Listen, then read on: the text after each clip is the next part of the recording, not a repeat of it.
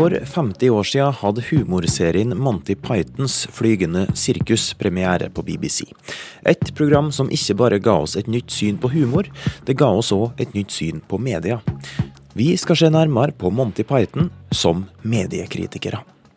Og Litt senere i programmet skal vi diskutere hva som skjer når rettssamfunnets interesser kolliderer med medias behov for kildevern. Mitt navn er Fredrik Skaget Øyen. Velkommen til Kurer. Det er først og fremst to ting som er ekstra vanskelig om man skal lage et program om at Monty Python fyller 50 år.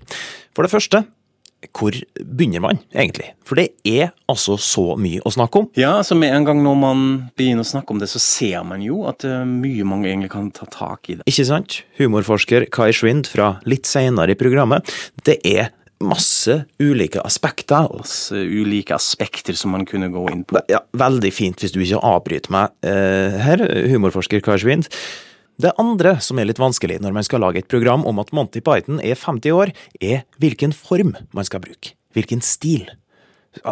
Skal man gå for en mer seriøs, rigid reportasjeform, eller skal man tillate seg å være litt mer fri og leken og spontan? Selv om dette er veldig gjennomtenkt og veldig skrevet også. Humorforsker Kai Svinn fra litt senere i programmet, nå må du slutte å avbryte. Planlagt, selv om den virker spontan og absurd. Ja, Nå kan det faktisk virke som at midtdelen av dette programmet har bestemt seg for å ta over starten. La oss bare sette i gang. I noticed a tendency for this program to get rather silly. I do my best to keep things moving along, but I'm not having things getting silly. Hadde jeg starta en radioreportasje på denne måten for 51 år siden, hadde jeg sannsynligvis fått sparken. Men for 50 år siden skjedde noe. Den 5. oktober 1969 hadde et TV-program premiere på BBC som tvingte både media og verden for øvrig til å ta seg sjøl litt mindre høytidelig. Monty Pythons flygende sirkus tidenes største humorfenomen. Ja, for det må gå an å si. Når man forsker på humor i mediene, eh, så ja, kan man jo ikke ikke snakke om Monty Python, fordi de ligger jo nesten som en slags bakteppe uh, bak alle, nesten alle, kan man kanskje si, uh, litt mer kontemporare humor- og komedieformater. I, i hvert fall den, den vestlige, uh, angloamerikanske humorfeltet av de, de, største. Eller de blir jo også ofte omtalt som the Beatles of comedy, altså når man sammenligner det med musikk. Mm. Så er Monty Python akkurat det. Det her er humorforsker Kai Hanno Schwint. Eh, som har selvfølgelig litt å gjøre med generasjonen de kommer fra. Dette er jo på slutten av 60-tallet, dette er sånn baby boomer generation, hvor det var store omveltninger i, i, i samfunnet. De var på en måte uh, en, en, det som Beatles var i musikken, og kanskje Rolling Stones i musikken, så var var Monty Python dette for uh, komedieverden. Han skal hjelpe meg med å kartlegge innflytelsen Monty Python har hatt. Og en naturlig plass å begynne på er å finne ut hva som gjorde dem så populære i utgangspunktet. Jeg tror det er hovedsakelig to ting med Python-humor som, som, har hatt så stor påvirkning, eller som var på en måte så banebrytende. Det ene er at de Eh, lagde ganske frekk og til tiders ganske kontrovers samfunnssatire. De var ute etter det litt eh, sånn støvete, konservative, stagnerende britiske samfunnet. Og man gjorde nær av autoritetene der, av kirken Av uh, pol politikere. And the first question is for you, Karl Marx. The Hammers is the nickname of what English football team? Um, og man gjorde det i en form som var iblant uh, ganske sånn tullete og farsete, uh, men allikevel ganske subversiv. Uh, så da hadde man sånn nye toner og nye stemmer og en ny måte å, å snakke om dette. Det andre vil jeg si at de har gjort noe ganske spesielt, nemlig egentlig anvendt mediekritikk eh, på en, en, ganske underholdende form. Altså, de begynte jo på BBC. Uh, eh, med Monty Pythons Flying Circus, altså denne sketsjshow-programmet uh, som de lagde. Uh, men samtidig er selveste serien også en kritikk av BBC har denne selvhøytideligheten som den nasjonale kringkasteren hadde. Det er altså mange, masse spøk med sånn 'hallo dame' og 'hallo herrer'. And now for something completely different. Med nyhetssendinger. Good evening and welcome to the Money Program. Tonight, on the Money Program, we're going to look at money. Med dokumentarfilmformatet som plutselig ble superabsurd. Yes, gangs of old ladies attacking fit, defenseless young men. Det finnes mange sketsjer som er basert på intervju- og showformatet. Raymond Luxury Yacht. That's not my name. I'm sorry, Raymond Luxury Yacht. Uh, og det var jo også en del diskusjoner i, i kulissene om, om, man kunne liksom tillate at de kunne være så frekke mot, mot sin egen kanal, uh, på en måte. Men uh, BBC selv var Jeg tror de brydde seg rett og slett ikke så mye om de i begynnelsen. At BBC ikke brydde seg i starten, sier kanskje litt om hvilken posisjon mediene sjøl mente at de hadde før i tida. Og det her er nok litt av hemmeligheten bak Python. For media sin selvhøytidelighet ga ikke bare Monty Python komisk ammunisjon, det gjorde òg at de slapp unna med det. Når man ser f.eks. sånn, sånn selvhøytidelig intervjuformat med en sånn besserwisser-aktig programleder som vet alt og kan alt og refererer og mansplainer litt og sånt, eh, det var man jo vant til, altså hvor TV og mediene hadde denne autoriteten. Det som kom på TV, dette var sant. De vet bedre enn vi. Uh, og her skal det presenteres, og så skal vi lytte. Og det er jo nettopp det uh, Monty Python gikk ut etter. At man avslører hvor på en måte absurd det hele kan være. Det tok imidlertid ikke lang tid før BBC måtte begynne å bry seg om Monty Python. Litt fordi at hele den vestlige verden plutselig begynte å bry seg om dem blant annet oss her i Norge. Nå skal det sies at enkelte har prøvd å stoppe Python-gjengens innflytelse opp igjennom. Filmen Life of Brian var for eksempel forbudt her til lands, da enkelte mente at den var blasfemisk. Men vi trenger likevel ikke å lete spesielt lenge etter bevis på at Monty Python òg har satt sine kulturelle spor her. Norge har alltid vært veldig inspirert av britisk humor. Eh, vi har alltid hatt eh, masse programmer fra BBC på norsk TV. Gry Rustad er TV-forsker ved Universitetet i Oslo. Det var jo et av de stedene, altså de utenlandske kanalene, som NRK alltid har importert eh, masse programmer fra. Så det hadde også en kjempestor påvirkning på norsk humor. Den type humor som Monty Python står for, da, var veldig ny og veldig frisk. Altså, man ser at humoren kanskje går fra mer sånn revy-farse til mer sketsjbasert, absurd, merkelig. Ikke sant? For rundt Monty Python og etter så fikk jo, ble jo KLM kjempestore i Norge. Man fikk Primavera, som alle er liksom komikergrupper da, som var veldig inspirert av Monty Python i Norge så har vi vokst opp med Monten Python-humor fra vi begynte å se på Brødrene Dal. Mm, til og med tidligere enn britene gjorde, kanskje? Ja, ikke sant? Ja. Altså, når så Jeg kan jo ikke ha vært spesielt mye mer enn syv-åtte første gangen jeg så Brødrene Dal, og syntes det var kjempegøy. Mange sketsjshow-formater, eh, både i, i, USA, men også i, i Norge, som, som leker med med mediene selv, med, med hvordan TV fungerer, uh, er tydeligvis uh, påvirket av Monty Python, og um, som på en måte kopierer denne, denne tilnærmingen. Så er det kanskje i andre formater at man også F.eks. når man ser på The Simpsons eller South Park, eller også serier som 30 Rock, at man ikke er redd for å være litt smart også. Altså Monty Python jo, um, har jo sin bakgrunn både i Oxford og Cambridge-universitetene. Um, de har også vært beskyldt iblant for å være litt sånn elitistisk. altså At dette er litt sånn smart gutterhumor. Um, F.eks.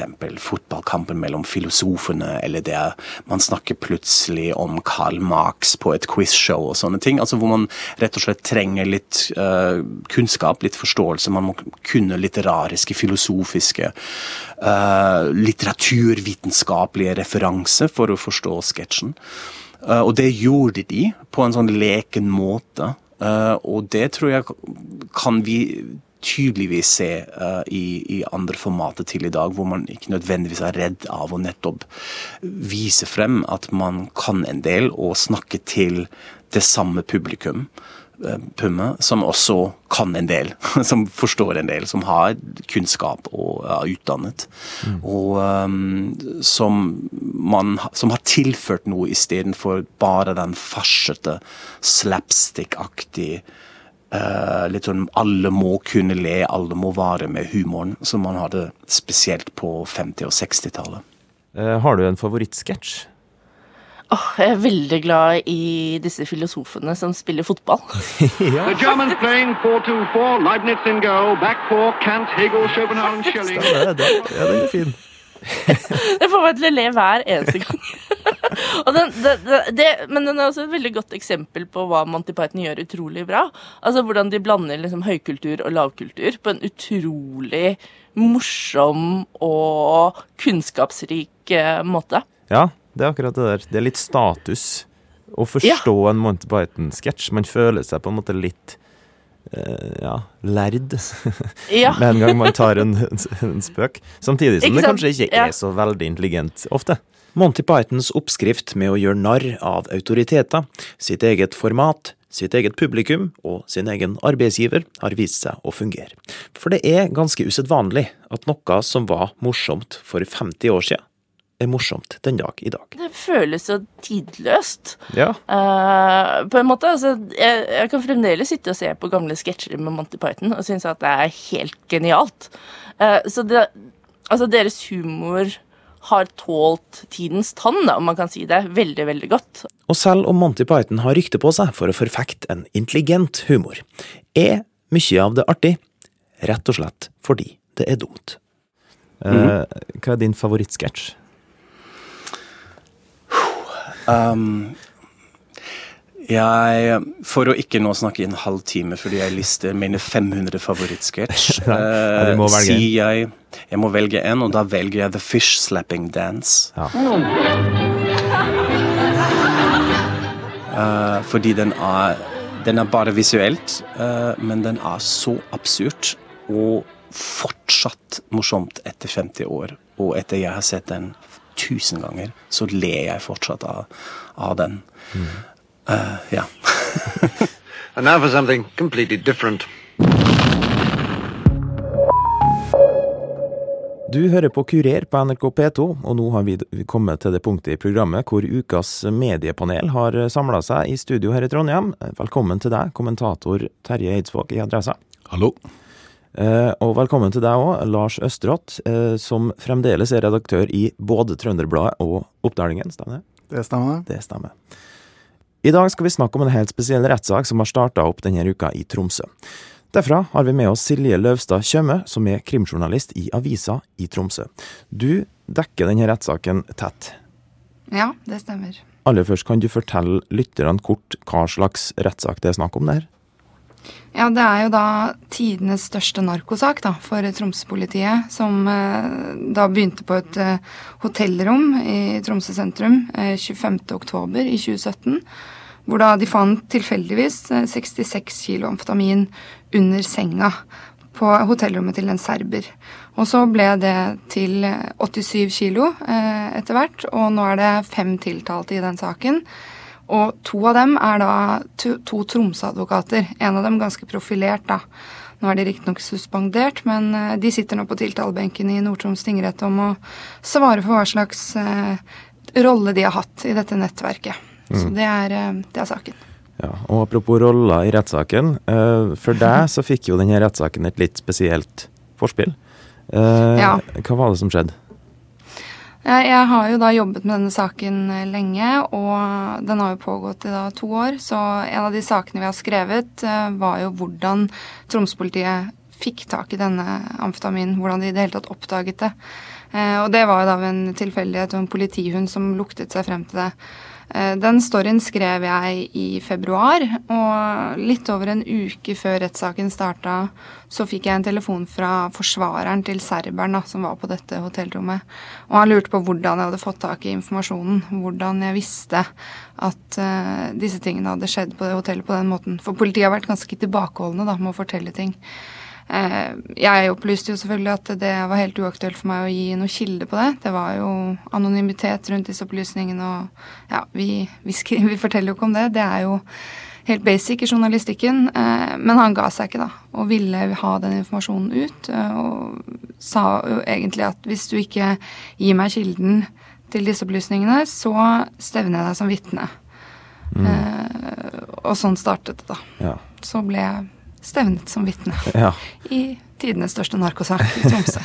og hvordan forholdt du og, og, resten av redaksjonen din seg til det, at du ble stevna inn? Altså, det første jeg sa når jeg snakket med ham på telefon, var jo at eh, det ville jo ikke være noe poeng å stevne meg, fordi jeg hadde ikke noe å bidra med i denne saken. Jeg har jo ikke vært vitne til noen kriminelle handlinger.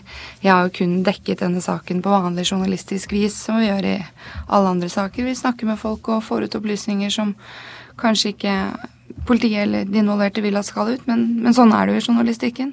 Så vi um, sa jo bare fra at dette er helt uaktuelt, vi kommer ikke til å kunne bidra. Og, og ba jo også om at ikke jeg skulle stevnes. Uh, men han gjorde det likevel, og, og da sendte vi en begjæring, da. Til, um, til, tingretten om at uh, vi skulle Altså en begjæring om bevisavskjæring, heter det egentlig, da. Og det betyr jo bare at de, vi klager på at jeg er uh, innkalt som vitne. Mm. Men hva er, hva er, egentlig problemet med at du skulle ha fått status som, som vitne? Ja, altså, En journalist som alle andre må jo kunne vitne i en sak hvis man har opplysninger. Hvis man har faktisk vært vitne til kriminelle handlinger. Eh, eller har noe å bidra med. Men her snakker vi om kildevernet. Eh, og det å skulle opplyse om hvor man har ting fra i en eh, åpen rett, er jo problematisk på alle vis. fordi da har jo ikke lenger eh, altså kilder mulighet til anonymitet. De kan ikke lenger komme til aviser og fortelle om ting de har sett eller hørt eller opplevd som kanskje kan være av samfunnskritisk karakter. da, Og, og være sikra for at, at de, deres anonymitet forblir anonym. da. Så det er jo det største problemet. Eh, mm. Ja. Hva, hva skjedde egentlig til slutt? Hvordan gikk det her? Eh, nei, det, det, ble jo litt halloi, da. Altså, han eh, lagde vi, Det ble skrevet saker i Journalisten og Medie24, og vi gikk også ut med det. Eh, og da frafalt han meg, da. Det skjedde vel under en uke før rettssaken starta. Så da, det var litt spenning. Vi satt og venta. vil jeg bli frafalt eller ikke? Fordi mm, problemet her er jo at hvis jeg hadde blitt stevnet som vitne og måtte møte, så kunne jeg jo heller ikke dekket rettssaken, da før jeg hadde vitna. Og jeg sto langt ut i tidsplanen i den fem uker lange rettssaken. Så mm. ja. Mm. Men jeg ble frafalt til slutt. ja. Terje Eidsvåg, eh, journalister er fryktelig opptatt av noe man kaller kildevern. Eh, kan du fortelle litt hva det egentlig dreier seg om? Det går jo på det prinsippet om at uh, kilder skal kunne som uh, enten varsle eller uh, fortelle opplysninger som gjør at viktige samfunnssaker kommer ut i offentligheten. At de skal kunne være trygge på at det ikke nødvendigvis skal kunne medføre at de blir identifisert. Og Det er jo et prinsipp som står veldig sterkt i Norge. Kildevernet også, også rettslig. det betyr jo ikke at Det er jo ikke helt uvanlig vanlig at journalister blir innkalt eh, i, som, eh, som vitner i rettssaker, men det som jo har vært et uh, veldig gjennomarbeida prinsipp, er jo at man ikke, opp, ikke, opplyser kilder. Ergo så kan jo stort sett journalister, hvis de blir innkalt som vitner, egentlig bare fortelle det som de har skrevet og som har vært publisert. For her handler jo også om hensynet til såkalt upublisert materiale. Eh, der var det jo en, en, veldig viktig sak som gikk helt til Høyesterett for et par år siden, rundt eh, Ulrik Imtats Rolfsen, eh, filmskaperen, som jo PST Han drev og laga en dokumentarfilm om norske syriafarere. Og da tok PST beslag i materialet hans og ville ha innsyn i det. Men den saken gikk helt opp til Høyesterett, og der ble faktisk kildevernet i en veldig viktig prinsipiell dom fra 2015 forsvart om at det hadde de ikke rett til. Mm. Um, Lars Østerått, det er kanskje et annet poeng uh, i denne saken her, et poeng som har fått deg til å reagere litt? Ja, nå skal ikke jeg si at eh, det her har skjedd den saken her da, med Silje, men det er jo en måte å kvitte seg med brysomme journalister på. Altså en som dekker saken som er plagsom som for, de, for partene. da, Så kan du føre vedkommende som, uh, som vitne, og dermed blir det avskåret fra å dekke saken. Ikke sant? Så jeg, som, igjen da, jeg vet ikke om det var det som var saken her, men det er en måte å kvitte seg med en brysom journalist på. Det litt uvanlige med saken her er jo at det er eh, forsvareren som har stevna journalisten som vitne. Det vanlige i sånne saker er jo at det er eh, politiet eh, og påtalemakten som eh, Og det er en haug med, ikke en haug, men en liten haug med saker hvor journalister faktisk har møtt i retten og sagt det kan jeg ikke svare på av hensyn til kildevernet. Og det er veldig få eksempler i Norge på at det har blitt eh, utfordra. Eh, selv om det vel i, i loven om, eh, om eh, rettspleie i Norge heter at det under særlig, eh, hvis det er særlig samfunnsviktige forhold, så kan retten true med å straffe hvis man ikke opplyser kilder. Så er det jo sånn at det etiske kildevernet, altså Vær varsom-plakaten, har jo absolutt kildevern. Det er jo mye strengere enn selve loven. For den åpner opp for at du kan bli at du må opplyse om hvem kildene er. Ja, men det som liksom var saken her, da, det er jo at jeg tror denne advokaten altså Worst case kan man jo selvfølgelig tenke seg at det handlet om at han ikke ønsket at jeg skulle dekke saken. Men jeg tror nok ikke det er tilfellet her. Jeg tror bare han var såpass opptatt av å få mest mulig opplysninger på bordet for hans klient, som har en dårlig sak fordi han er funnet på et hotellrom med 66 kilo amfetamin. Det er vanskelig å bortforklare det. Eh, og da tror jeg han var så opptatt av å få noen som kunne si noe som helst som pekte i en retning av formildende omstendigheter da, til sin klient. Eh, jeg tror det er der det ligger i denne saken. Men for folk som ikke er journalister, så er det kanskje vanskelig å skjønne den der eh, hellige kildevernet som er veldig mm. viktig for oss. Men grunnen mm. til at det har det sterke vernet, som jo har blitt eh, styrka, vil jeg påstå, gjennom et par dommer i eh, Den europeiske menneskerettsdomstolen, det er jo ikke hensynet til journalister, men det er hensynet til offentligheten. At, mm. at, at det skal være et, hva skal jeg si, et filter som skal ikke hindre, men rett og slett bidra til å sørge for at viktige samfunns spørsmål, problematiske, kan komme opp i offentligheten. Mm. Står kildevernet sterkt her til lands? Det står vel veldig sterkt. Det er jo svært få eksempler på at, eh, at det har blitt eh, utfordra i rettssaker. Det var vel en sak, så vidt jeg husker, tidlig på 2000-tallet hvor redaktøren i Aftenposten fikk bot fordi at han eh, ikke ville utlevere bilder fra, en, fra gjengoppgjør i MC-miljøet. Eh, da handla det om eh, såkalt upublisert materiale. Og det er jo ekstremt få eh, eksempler på at kildevernet har blitt utfordra og tapt i, i, norske rettsinstanser, heldigvis. Men det er jo svakere i Norge enn det er i Sverige f.eks.?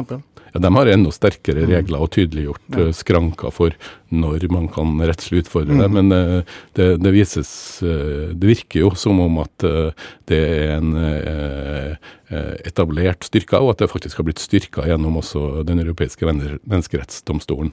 Eh, det har jo vært eksempler der på at, eh, eller i krigsforbrytersaker f.eks., at eh, journalister har blitt stevna som vitner. Det har jo også vært problematisert bl.a. i saken rundt Milosevic, fordi at man har snakka om faren for, for å vitne i den type saker. Da har jo journalister i tilfelle vært faktisk vitner. Eh, men det har også vært problematisert, selv om det er eksempler på at journalister fra BBC bl.a. Eh, så vidt jeg husker, vitna mot Milosevic. Mm. Det, det, var alt vi hadde tid til den gangen her. Eh, tusen takk til deg, Lars Østerått, redaktør i Trønderbladet og Oppdalingen. Terje Eidsvåg, kommentator i Adressa, og Silje Løvstad Kjømø, journalist i Avisa i Tromsø.